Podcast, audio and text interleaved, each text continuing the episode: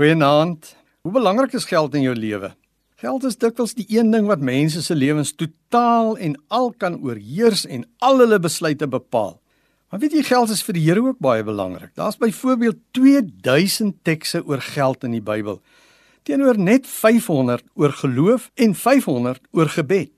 16 uit die 38 gelykenisse wat Jesus vertel het om mense te leer hoe om reg te lewe, het oor geld gehandel. Jesus het oor geld gepreek. Hy het daaroor gepraat omdat hy mense nie wil beroof of arm maak nie, maar wil graag wil seën. Jesus het ook geweet dat as jy weet hoe mense oor geld dink, dan weet jy ook wat in iemand se hart aangaan.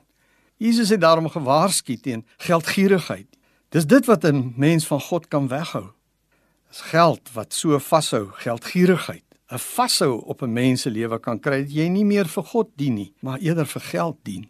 In Lukas 18:22 lees ons van 'n jong man wat gekies het om nie 'n volgeling van Jesus te word nie, omdat geld vir hom te belangrik was, belangriker as vir God. As 'n mens geld najag, dan kom jy agter dat geld nooit 'n eindpunt het waar mense by 'n punt kom dat jy sal sê dat jy nou genoeg het nie. Jesus het egter geleer dat geld en aardse besittings tydelik is en dat aardse rykdom verganklik is.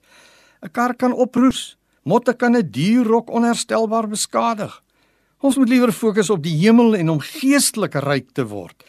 As ons sterf, kan ons niks saamvat hemel toe nie. Die doodskleed het nie sakke nie. Daarom het Jesus gesê dat ons skatte bymekaar moet maak in die hemel waar mot en roes nie kan bykom nie.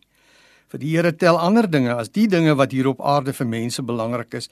Liefdesdade en opoffering ter wille van Jesus is daarom vir God goud werd. Jesus het dit beloon. In Matteus 10 vers 42 staan daar: Wie aan een van hierdie geringstes net 'n beker koue water gee omdat hy my disipel is, sal sy beloning kry, dit verseker ek julle. Die Here beloof dat as ons ons lewe en ons goed en ons geld aan hom oorgee, dan sal hy vir ons sorg. Vra hom om jou ouditeur te wees en jou begroting vir jou te help uitwerk. Geef vir hom en vir sy koninkryk wat hy van jou vra en sien hoe sorg hy vir jou dat niks gaan kortkom nie. Kom ons bid en vra dit vir hom.